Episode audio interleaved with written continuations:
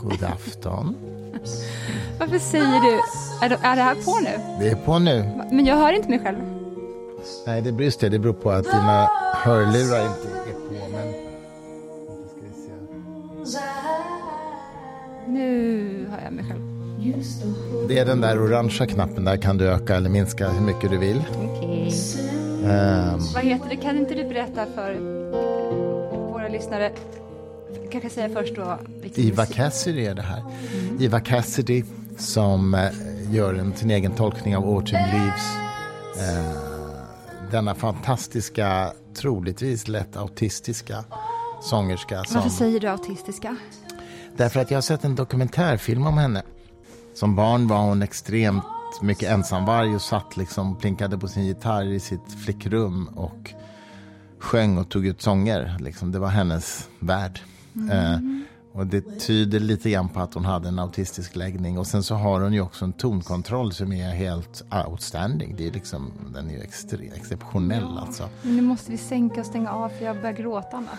Jag orkar inte. Och så- ja, det blir värre därför att hon hann ju, tror jag, göra en live-skiva och sen så dör hon typ 36 år gammal utav cancer. Det var det jag tänkte på. Jag tänkte hur jag kan det bli värre efter att hon hade dött? Tänkte jag, det går inte. Nej, men det, det var otroligt sorgligt faktiskt. Jag, jag, eh, och, och jag upptäckte henne genom någon, jag minns inte hur ärligt talat, men innan hon var alls hade uppmärksammats i Sverige. Jag beställde en skiva från eh, USA, sen blev hon ju ganska känd i hela världen. Men Men blev hon det efter sin död? ja, Jag orkar inte att det ska börja. Jag tror ju att hon såklart hade blivit lika stor om hon hade fått fortsätta leva. Men eh, det är ju väldigt många författarskap och musiker som blir smällstora genom sin död. ja, det är sant. Jo, jag tror nog att hon hade Folk det. älskar verkligen liksom när folk dör. Då vill de bara lyssna på musiken om och om Ja, igen. Och sen så läsa de här böckerna om och om igen. Och så gillar de att berätta för varandra. Ja, vet du, hon dog. Mm, jo, jag vet. Och så grottar man i det. Ja, det blir en slags story, ett slags narrativ som naturligtvis gynnar konstnärskapet. Men eh, ja, vem vet? Det är svårt med kontrafaktisk historieskrivning. Kan inte du, apropå att du och jag säger hela tiden eh, okej, Okej, okej. Kan inte du berätta varför vi gör det? Som om jag vet det. Vet du inte det? Nej. Har det här blivit en sån självlevande Ja, det är jag språkorganism rädd det har, hörru du. Vet du var det här kommer ifrån? Nej. Det var att du berättade en historia för mig om en taxichaufför.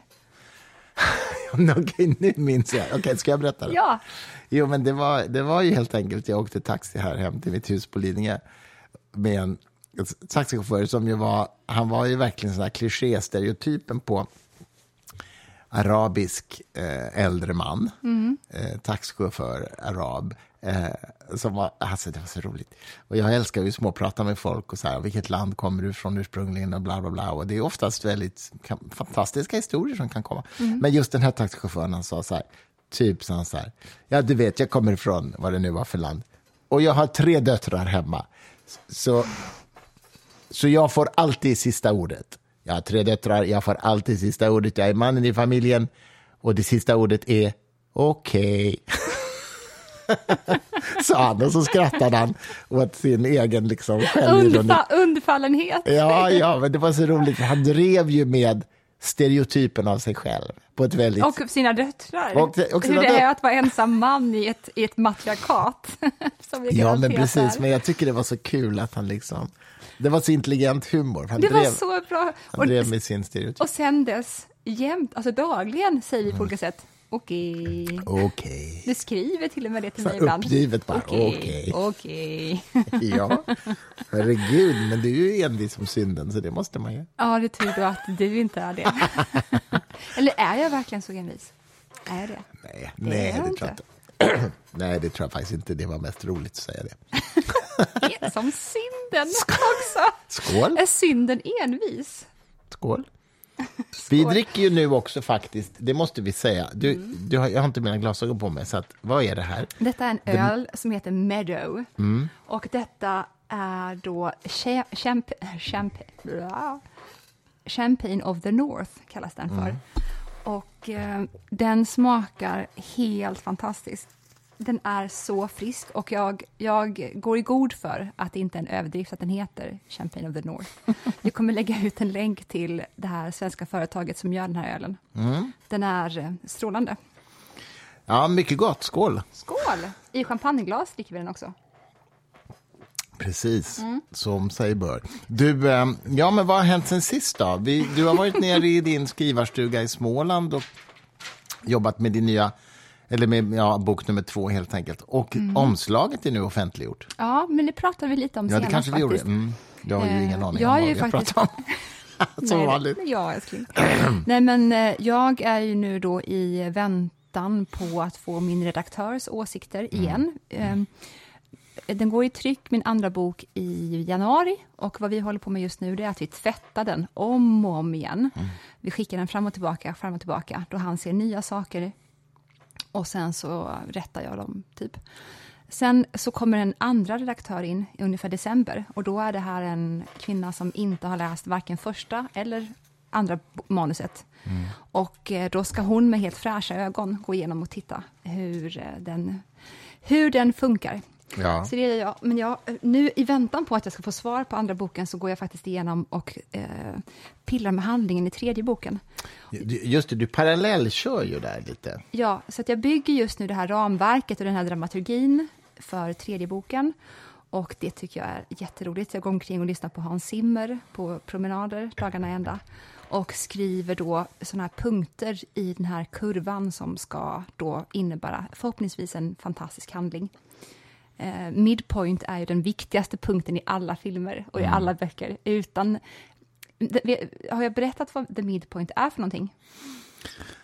Ja, jag vet ju det, men om du har gjort det i podden vet jag inte. Nej, jag gör det i alla fall för er Berätta för lyssnarna. ni, kan, ni som kollar på film och som läser böcker kan alltid runt hälften utav historierna eh, pingna till lite grann och leta efter när vänder historien? Mm. För den gör alltid det i mitten. På de bra historierna så vänder den alltid i mitten. Och det skapar också en resonans hos tittaren eller läsaren som är så här, aha, är det det här det kommer handla om nu? Oj! Så allting dittills har varit en form av upptakt, men från och med mitten, då börjar vi haja, det är det alltså det här som är den riktiga resan. Wow! Till exempel i Da Vinci-koden så är det ju han Sir Ian McEllan, eller vad han nu heter, han som också Ja. spelar Gandalf i Sagan om ringen. McGellen? Eller, Ja, jag säger alltid fel. Ja, alla- Ja, strunt samma. Ja. Och han, Googla på det, för han, fan. han visar sig då i Da Vinci-koden vara den här äh, skurken istället. Man tror att han dittills har varit en jätterik eh, ensling som samlar på eh, betydande forntida verk och sånt där. Men sen så kommer det fram att det är han som ligger bakom hela den här hemska historien. Just det, just och därmed förstår vi vad det kommer handla om till Det, slutet. och det är midpoint. Det är midpoint. Mm. So that I do. Så det är det du pillar med just nu? Det är det jag pillar med just nu. Jag måste hitta en jättelurig midpoint. Och sen så mellan midpoint, eh, på både innan och efter, så är det såklart vändningar som finns där också. Men i midpoint så händer den stora drastiska vändningen. Och ifall inte den finns där i historier, då sjunker historier lätt som ett tält. Midpoint är det som sätter upp tältet i mitten och som gör att allt runt omkring det eh, hänger ihop eller är intresseväckande. Alltså, Får jag bara säga en sak? Ja. Jag är ett stort fan av True Detective. Jag älskar ju True Mm. Detective säsong 1. Eh, mästerverk enligt mig. Midpoint i True Detective, det är alltså när eh, han, den ena polisen som är så smal, jag kommer på vad han heter snart, springer in i de här kva- knarkkvarteren. Mm. Och det är en jättelång kameraåkning som också vid den tiden var den längsta som någonsin hade gjorts i en tv-serie. De eh, har bestämt att han ska låtsas vara en infiltratör och att han ska mm, komma in i den här knarkkartellen.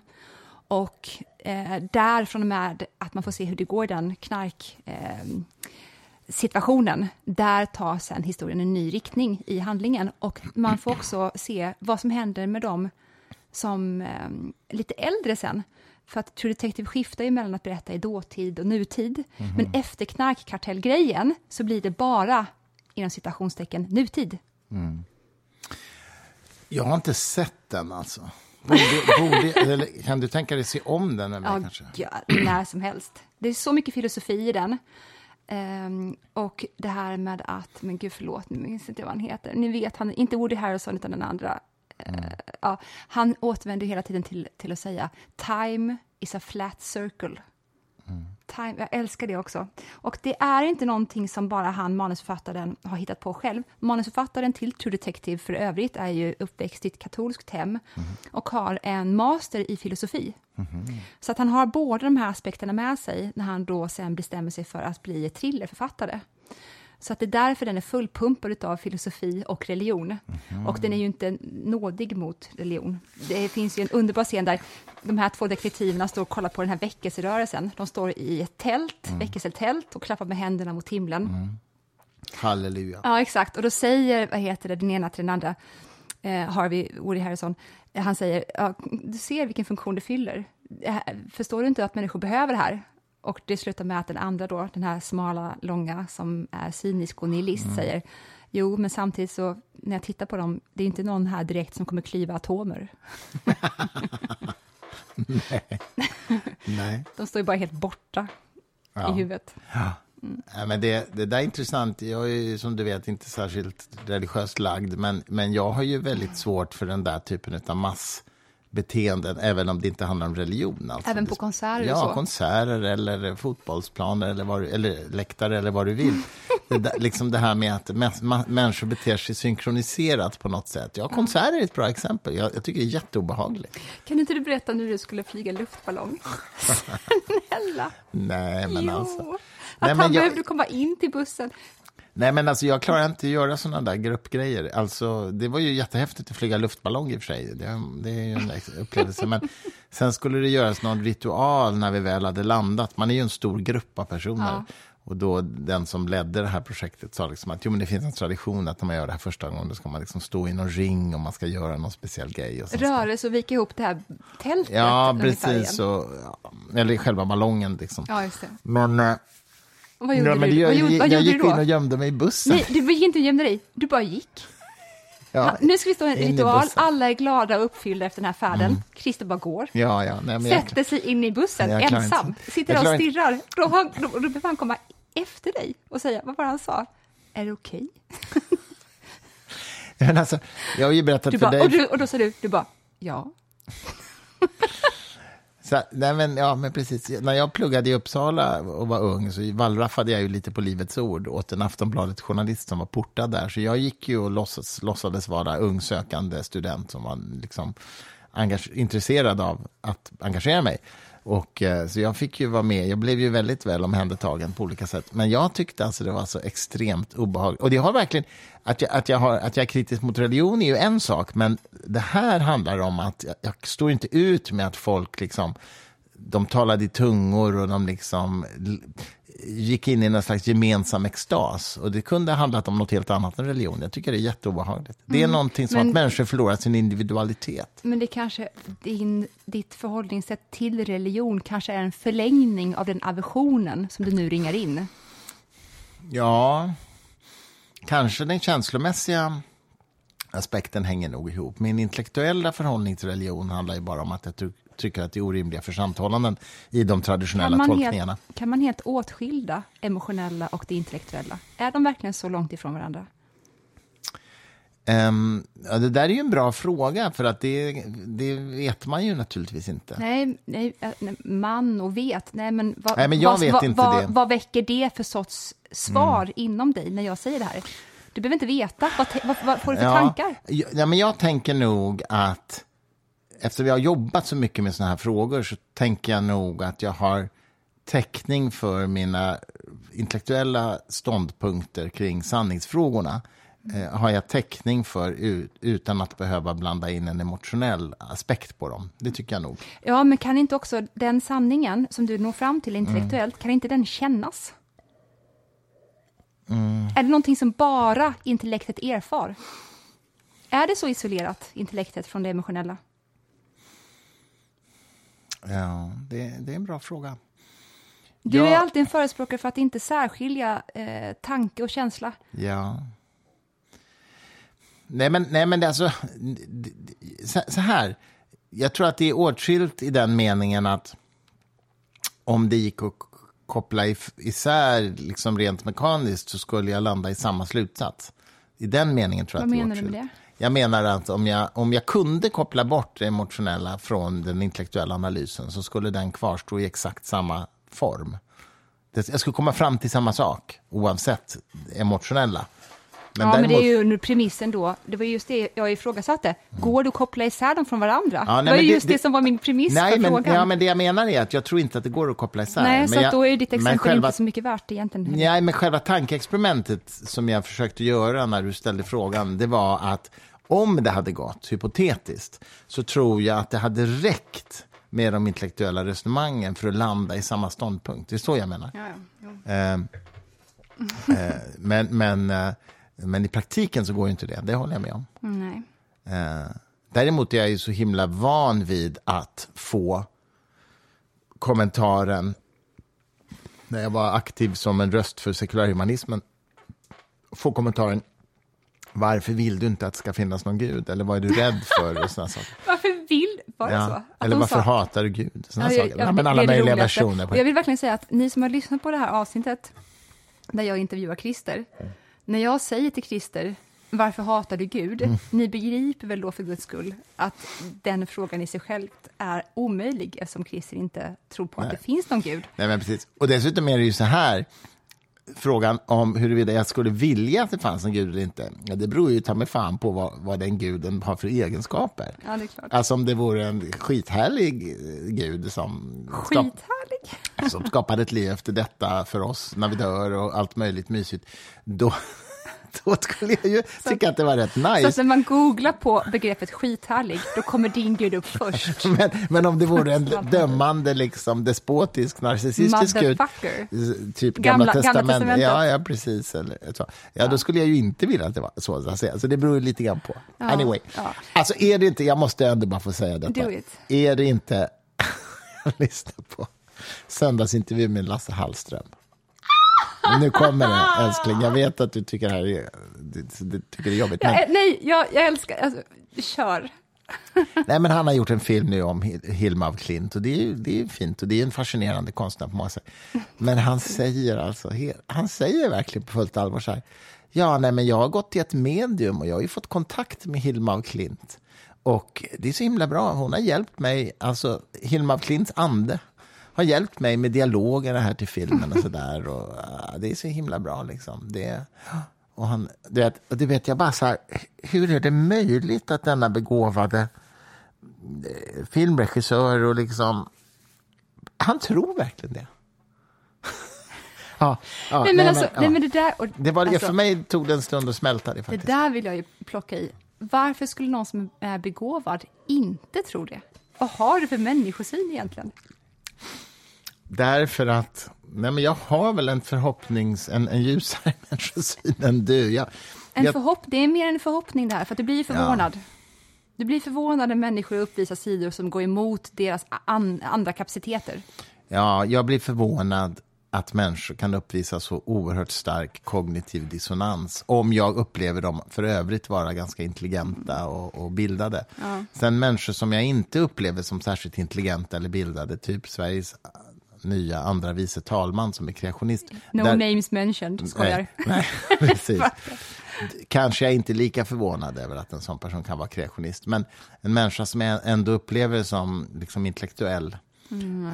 då, då, har jag, då tycker jag det är svårt alltså, att ta att de har vansinniga van Vi måste prata jättemycket om eh, Jungs integrations... Hur man interagerar en person, eller vad en, vad en interagerad person är för någonting. Mm. Därför att ifall det är så att en människa lyckas få ihop sig själv så pass mycket, så att säg att vi består, bara i ett exempel nu, säg att vi består av 25 stycken personligheter, vilket vi gör minst.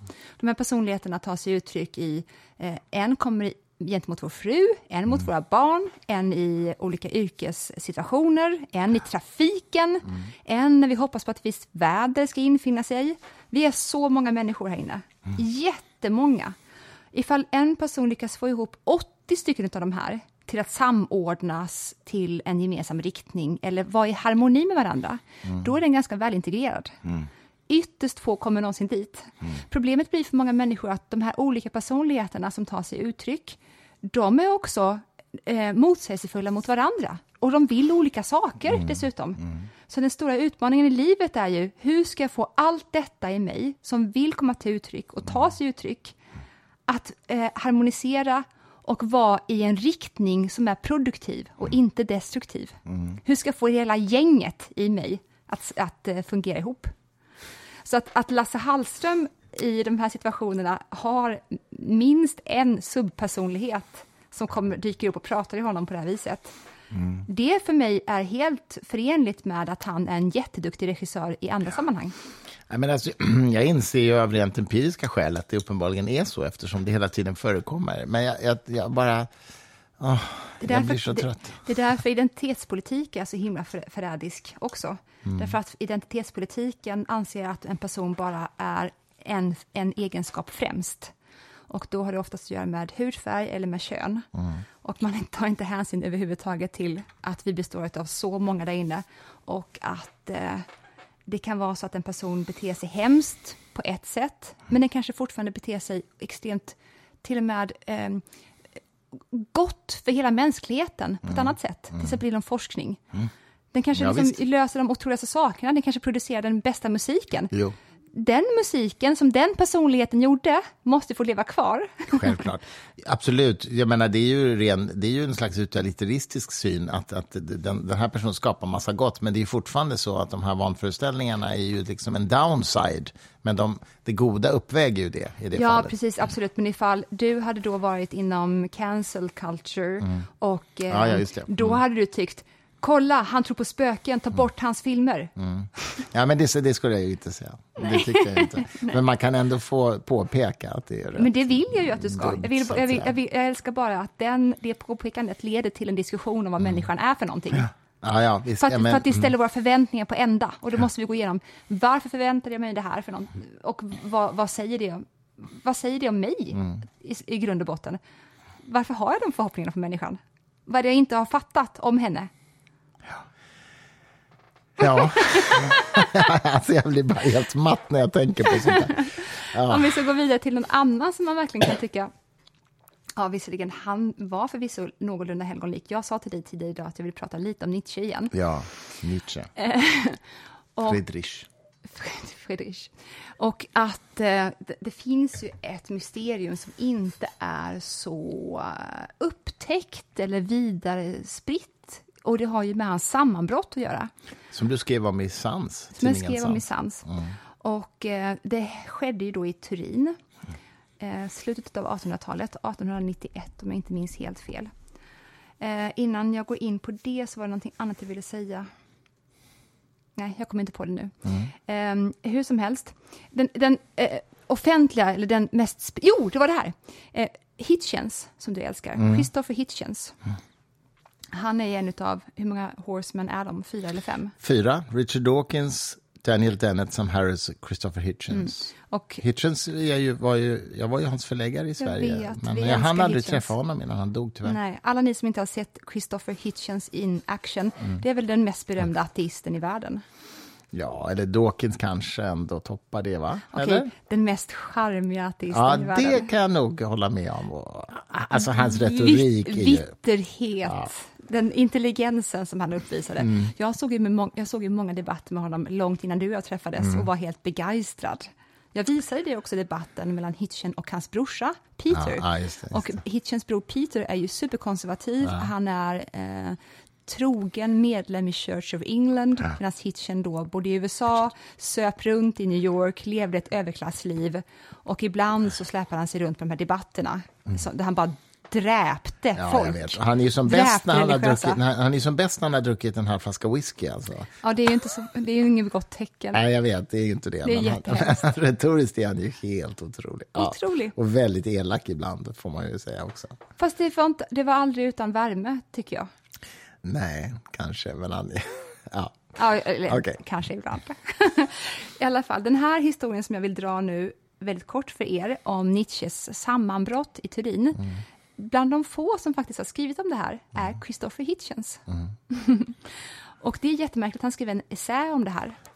och eh, det, så här, the story goes, Nietzsche bor i Turin, han har vandrat runt omkring i Europa en lång tid, han är statslös, han har ingen kvinna. Eh, för att hans stora kärlek i livet vill inte gifta sig med honom. Han skriver böcker. Han har en liten pension från det här universitetet där han studerade, eller ett, vad ska man kalla det för, måntligt under... Vad kallas det för? Ja, de ger han pengar. Under, under, månatligt underhåll. underhåll ja. Mm. Eh, en dag när han går ut från den här lägenheten som han hyr av en änka i Turin, då så ska han gå till sitt frukostställe på ett torg, men på vägen dit så stöter han på en häst som blir piskad av en bonde som äger den här hästen. Nietzsche, som fram tills dess har predikat under hela sin medvetna karriär att den svage är inte alltid den som förtjänar barmhärtighet. Den svage är inte alltid den som ska bli omhändertagen. Den starke är den som har gjort sig förtjänt av barmhärtighet och så vidare. Mm. Det är mm. alltså en form av en mm, reaktionär eh, predikan mot kristendomen som man har hållit på med. Mm. Vad som väcks då i Nietzsche, enligt historien, det är att han rusar fram till den här hästen som blir piskad av den stora starka bonden, sliter piskan ur bondens hand, kastar sig om hästens hals, bryter i gråt och säger Mor, jag har varit dum. Mm. om och om igen säger han, mor, jag har varit dum. Tänk dig bondens reaktion på det här. Han bara, eh, mm. där hänger den här långmustaschade mannen och säger, jag har varit dum, till sin mamma, för hon är ju inte här någonstans. Eh, polis tillkallas, Nietzsche tas tillbaks till sitt hem. Eh, där i det här hemmet så blir Nietzsche aldrig sig själv igen. Han kan från den punkten inte uttala en fullständig mening. Inom kort så kommer hans syster att ta hand om honom. De, hon tar hem honom till sig och vårdar honom som en grönsak tills den dag då han dör. Mm.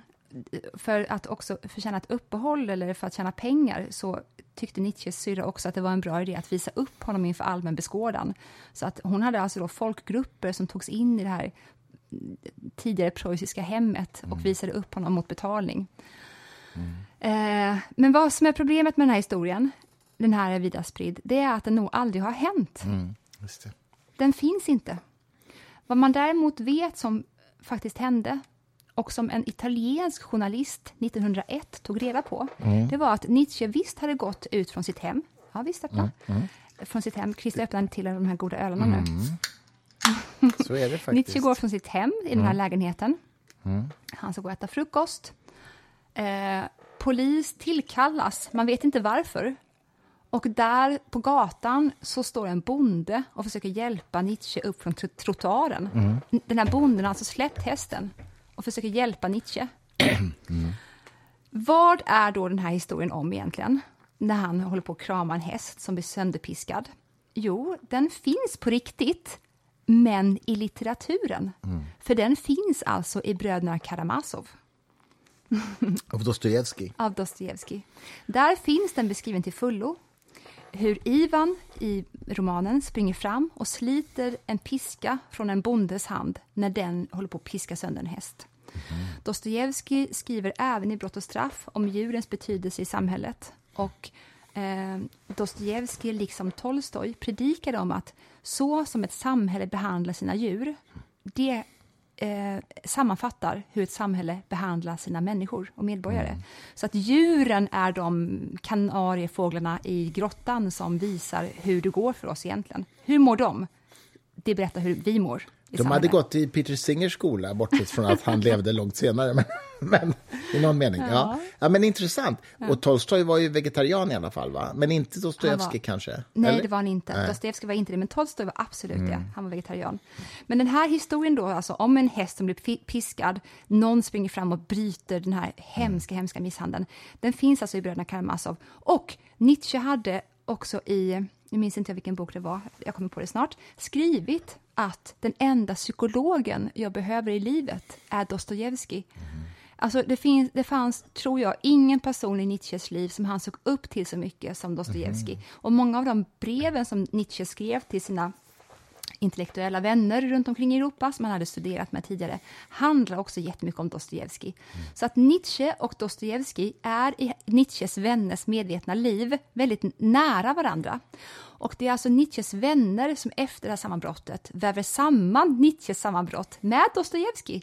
De skapar en form av visklek med varandra. Häftigt, ja. De vet om att en häst har varit inblandad, för han hittades bredvid en häst. Mm. Och där uppstår då en form av eh, ett, narrativ. Ja, ett narrativ ja. Lyrik byggs. Litteratur byggs. Ja. För det är också själfulla människor som inte bara är matematiker, förlåt, mm. som de vill också göra någonting målande. Även matematiker har själar kan jag upplysa Ja, men de, de, är inte så, eh, de berättar inte historier lika bra. Nej. Skulle jag säga. Nej, Matematiken gör inte det i alla fall. Matematikerna kanske okay, gör det, det vet vi inte. Det, jo, det, ja, jag vet inte. De, de, som, de matematikerna som vi lyssnar på och kollar på, de berättar inte, de är inte the bästa storytellers okay. där ute i alla fall. Mm, okay. Så Nietzsches vänner bygger då fram den här viskleken om att han har då avbrutit den här hästmisshandeln och se i slutändan, då tog han minsann den, den svages försvar.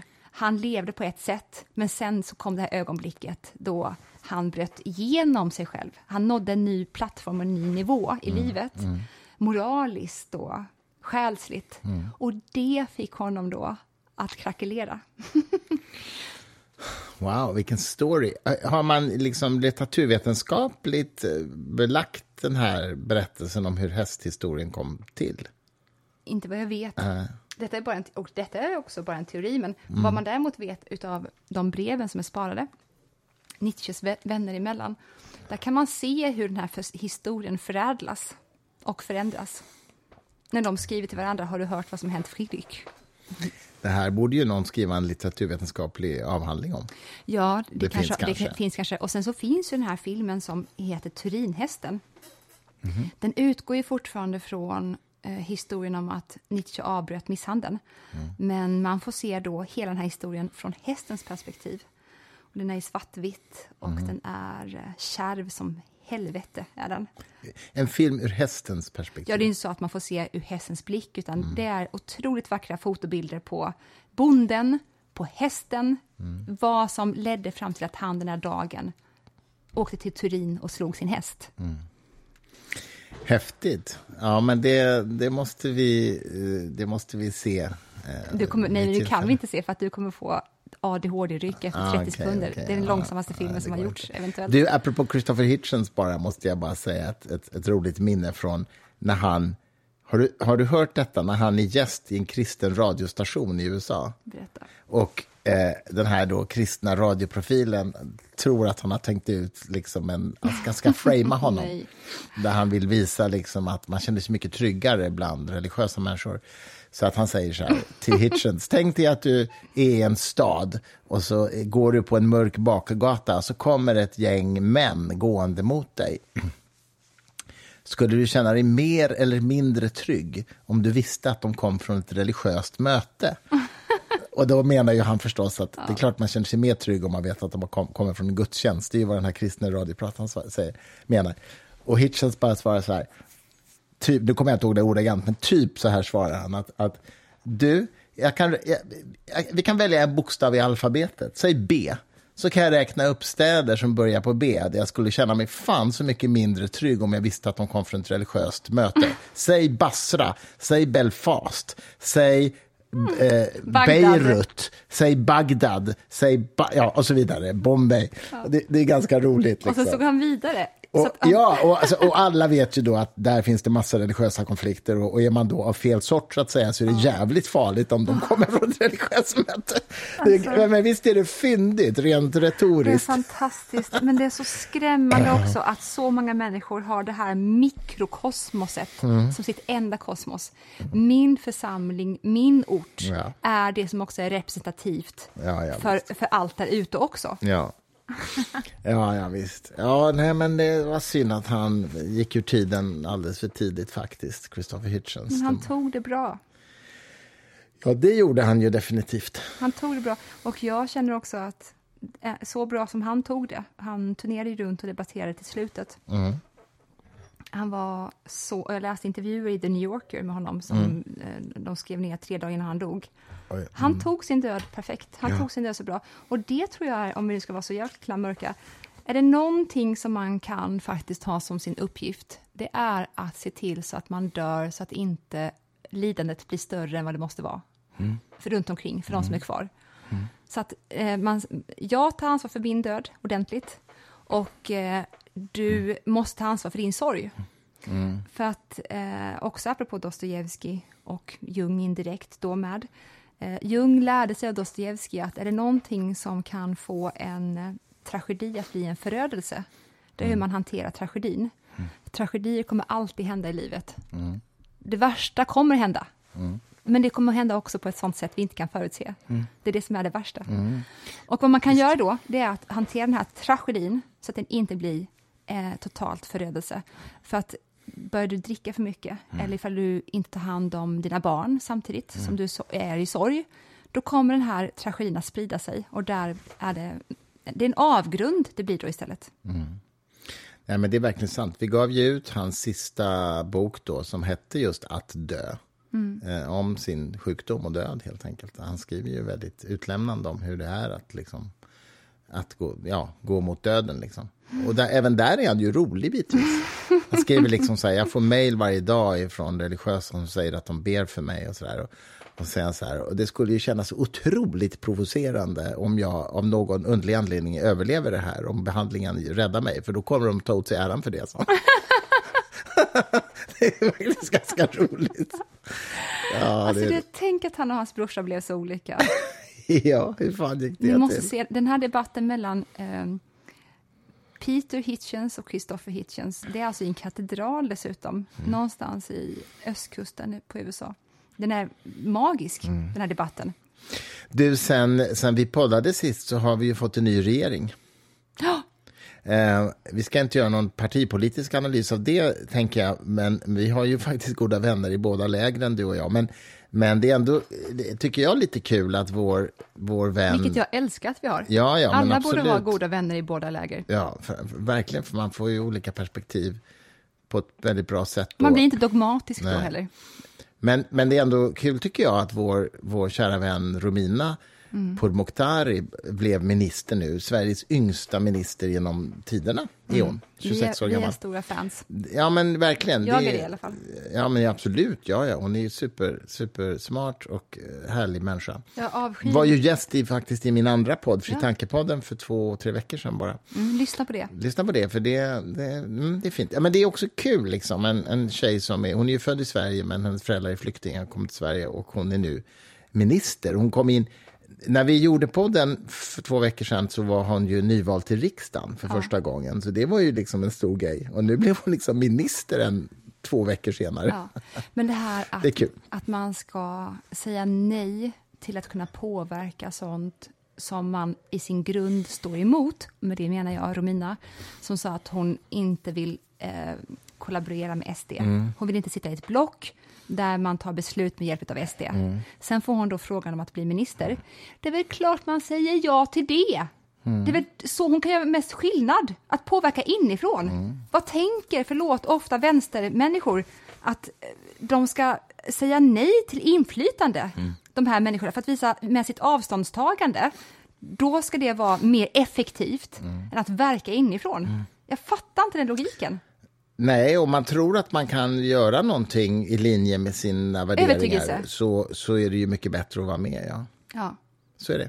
Inget ont om vänstermänniskor, jag är ganska mycket vänster själv också. Mm. Men det är oftast från, förlåt, den dumvänsterns håll som den sortens argumentation förs. Men, men om man ska vända på det perspektivet så är det naturligtvis smart att jag vet inte om det var Roosevelt som sa det om sina fiender. Det är bättre att ha dem inne i tältet pinkandes ut än att ha dem utanför tältet pinkandes in i tältet. Mm. Alltså, mm. det är bättre att ta in sina fiender i värmen. Därför att även om de kommer vara kritiker och, och, och härja och sådär så är de liksom ändå i någon mening mm. begränsade av den kontext de verkar i. Och det... så är det ju. Det där kan man ju naturligtvis inte, det är, är ju ingen naturlag. Men det är, men... Så, men det är fortfarande så att någon fiende som tas in i värmen och pissar ut ur tältet mm. gör nog ändå mer skillnad en, en medlöpare som tas in i tältet. Ja, det är definitivt sant. Det är definitivt sant. At the end of the day.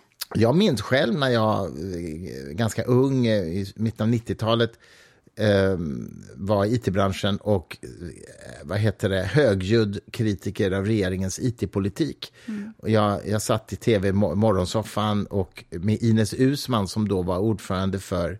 Eller hon, var, hon var näringsminister som inkluderade... Ska vi se, var hon näringsminister? Hon var i alla fall telekommunikation och it-minister, möjligen också näringsminister, att det var samma, det kommer jag inte ihåg. Mm. Men jag skällde på dem som fan i alla fall och, och, och, och sa att de gjorde för lite och så här.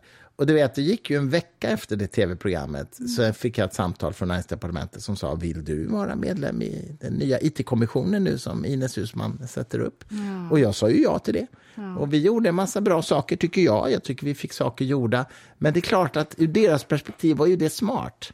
Men ur mitt perspektiv var det också smart att säga ja. Så jag håller med dig, man ska inte säga nej bara nej! som någon slags som barnslig markering. Avståndstagande. Jag tänker nej. inte beblanda mig. Nej, jag håller med ja, hur mycket effekt kan du göra då? Vad bra att nej, du fick en exakt. uppmärksamhetssekund ja. i offentligheten. Nej, men jag håller helt med. Galen. Det, detta är ju the team of rivals-strategin eh, faktiskt. Mm -hmm. Och Mandela får ju ofta cred för, vilket han ska få såklart, för att han satt i fängelse så länge, för att vara den här stora, moderna Jesusgestalten som mm. sa eh, låt mig eh, bygga band med mina fiender. Ja, eh, nu förändrar vi det här landet tillsammans. Han la alla oförrätter åt sidan och sen så gjorde de det här fantastiska som nu tyvärr håller på att falla isär, ja, eller har gjort för länge sedan ja. egentligen. Den här principen i modern tid var det Lincoln som gjorde någonting av allra först. Efter Eh, nej, förlåt, innan amerikanska inbördeskriget, mm. då han blev vald president, då stod han inför, jag minns inte om det var tre eller fyra stycken, som han behövde slåss emot för att bli vald president. Mm. Och de här uh, kallades då för The Team of Rivals. Och den här boken vann Pulitzerpris och jag har lyssnat på hela den boken och den är så jävla bra. Den finns på Storytel. Mm. Lyssna på den. Det är den som också är grunden för Steven Spielbergs film om Lincoln. Mm. Den är otrolig. Man har inte tråkigt en sekund fast den är svintjock. Lincoln då, från och med det att han har vunnit och blivit president, han var den mest unlikely att mm. vinna. Det första han gör det är att ta in alla hans hårdaste motståndare i värmen och säga nu bygger vi en regering. Mm. Mm. Han var ja. den första som gjorde det.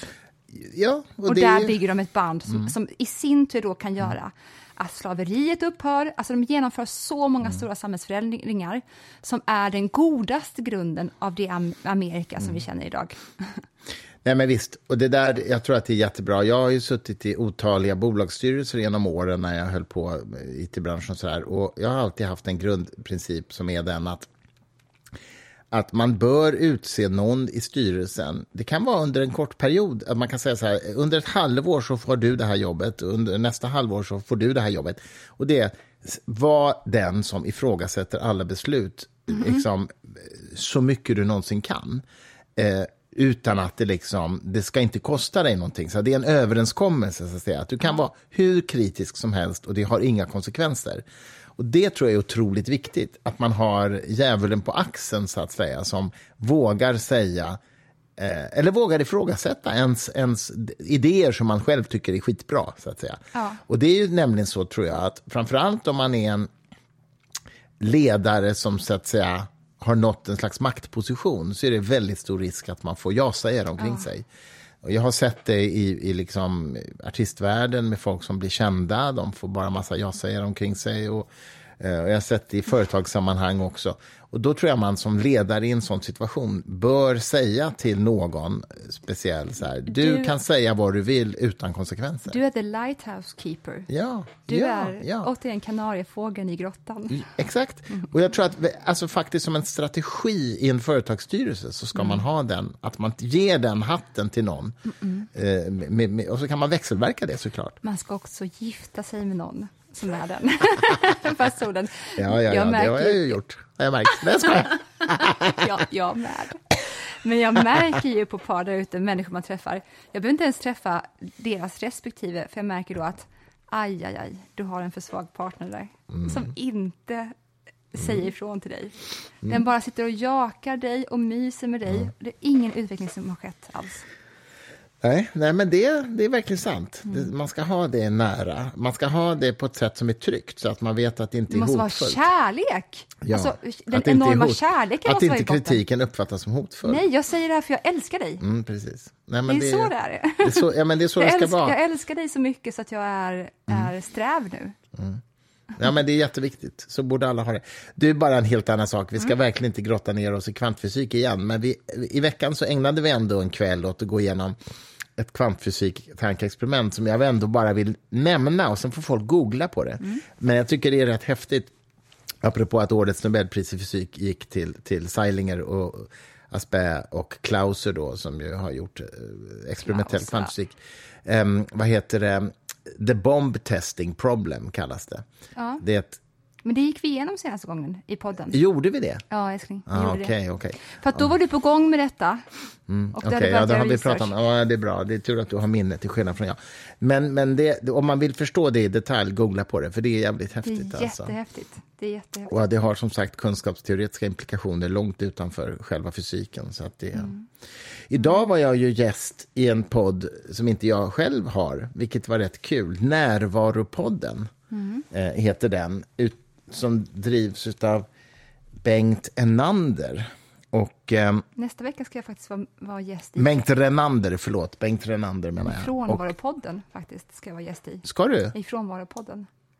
Okej, det är ju lite kul. Jag skojar. Jaha. Närvaro. Jag man, trodde det fanns en sån podd. Älskling, det finns ingen podd som heter Frånvaro. Eh, Det verkar ju ja, onekligen rimligt. Eh, Men närvaropodden eh, i alla fall eh, pratade så här medveten närvaro och så där. Och jag trodde först kanske att det här var lite flummigt, men det var det inte. Nej, det var inte det. Det var jättekul. Det var väldigt, väldigt roligt. Och det handlar fortfarande om sådana frågor, så att säga, själsliga eller relationella frågor, men utan en new age-touch. Eh, vågar jag nog påstå efter att ha träffat Jag Bengt. så pepp på att lyssna på den och jag har lyssnat på ett avsnitt hittills. Jag... Eh, av Närvaropodden. Ja, du har gjort det? Ja, ja, med hon som var, eh, berättade om de filosofiska grunderna för yoga och så vidare. Men det blir kul att höra på. Han har jättemånga lyssnare. Så jag hoppas att du når lite ny publik där också och inte bara att Ja, Samma. precis. group... Samma groupies. Groupies. groupies. Har du groupies, älskling? En och annan, kanske? Nej! Vad heter de? Jag, är så himla arg nu. jag får ju Jag, då och då, jag vet inte. jag får ju då och då mejl från personer som säger att min bok har betytt mycket för dem. Det är, jag vet inte om du definierar det som groupies. Eh, men... när jag tänker groupies så ser jag de som står längst fram Mm. vid stängslet mot Metallica och drar upp sina t-shirts och visar brösten. Jaha, okej. Nej, Det är länge sedan jag hade såna groupies. Goddammit! Ja, men herregud, jag hade ju popband på 80-talet. Nej, Då hade jag groupies, men inte nu. Nej. men inte nu. Nej, nej. Mm. Times they are a changing. Alltså gud, jag vet inte, jag blir mörk på ett sätt som jag inte kan definiera utav det här faktiskt. Hörru du, Ska vi gå och laga lite middag nu kanske? Ja, vad ska du få? Vad ska du få? Vi ska äta, vi ska äta trattkantareller Med? med Vad salsiccia. ska jag få höra dig om det här? Det är Och helt meningslöst, jag kan ju bara berätta. Salsiccia och tattkantareller. Sen så vill jag också återigen... Mm. Eh, Hylli bryggeri heter den här ölen. Och jag lägger ut länk också. Fuck vad god den var. Mm. Ja, den var hur? faktiskt jättegod. Riktigt god. An- smakar annorlunda än, Vi tar en bild på den. än vanliga öler. Ölar, eller vad det heter. Öler! det är så Du- sjukt för att ibland så känner jag, när vi mot slutet av podden, då känner jag att nu har vi nått en form av vi har pratat oss fram till en viss hudlöshet. Mm. Så nu borde jag egentligen börja intervjua dig. Jag vill också säga att jag Ja. kommer köra intervju med Christer del två på fredag om en vecka. Ja, på söndag för era lys- er lyssnare. Ja, men ni har fram till fredag om en vecka Jaha, mm. på er. För då spelar vi in, ja. Då spelar vi in. Jag kommer då att eh, dra Christer ännu en gång genom Victoria torktumlaren och ställa frågor till honom. Åh, herregud. Och jag vill ha de mest oväntade frågorna. Jag har som målbild, älskling, lyssna på det här. Mm. Du vet de här Diane Sawyer och sådana som alltid får sina gäster att börja gråta? Du vet att det finns sådana? Ja, Okej. Ni som lyssnar ute kanske vet det. Mitt, på mål, mitt mål är att vara en sån intervjuare som bara når dig på andra sätt som andra inte har nått dig. Oj, oj, oj. Jag bävar. Jag ska ta en, en flaska champagne tror jag innan Inte en vi flaska, börjar. du kan inte ens prata. Det vore jättehemskt. Ja, men okej, spännande. Jag ser fram emot Så det. nästa avsnitt, vi kommer ut med det här på söndag som vanligt och veckan därpå kommer uppföljningen, Christer intervju del två. Tack för idag. Nu hör vi lite på Iva Cassidy. Ha en härlig söndag. Start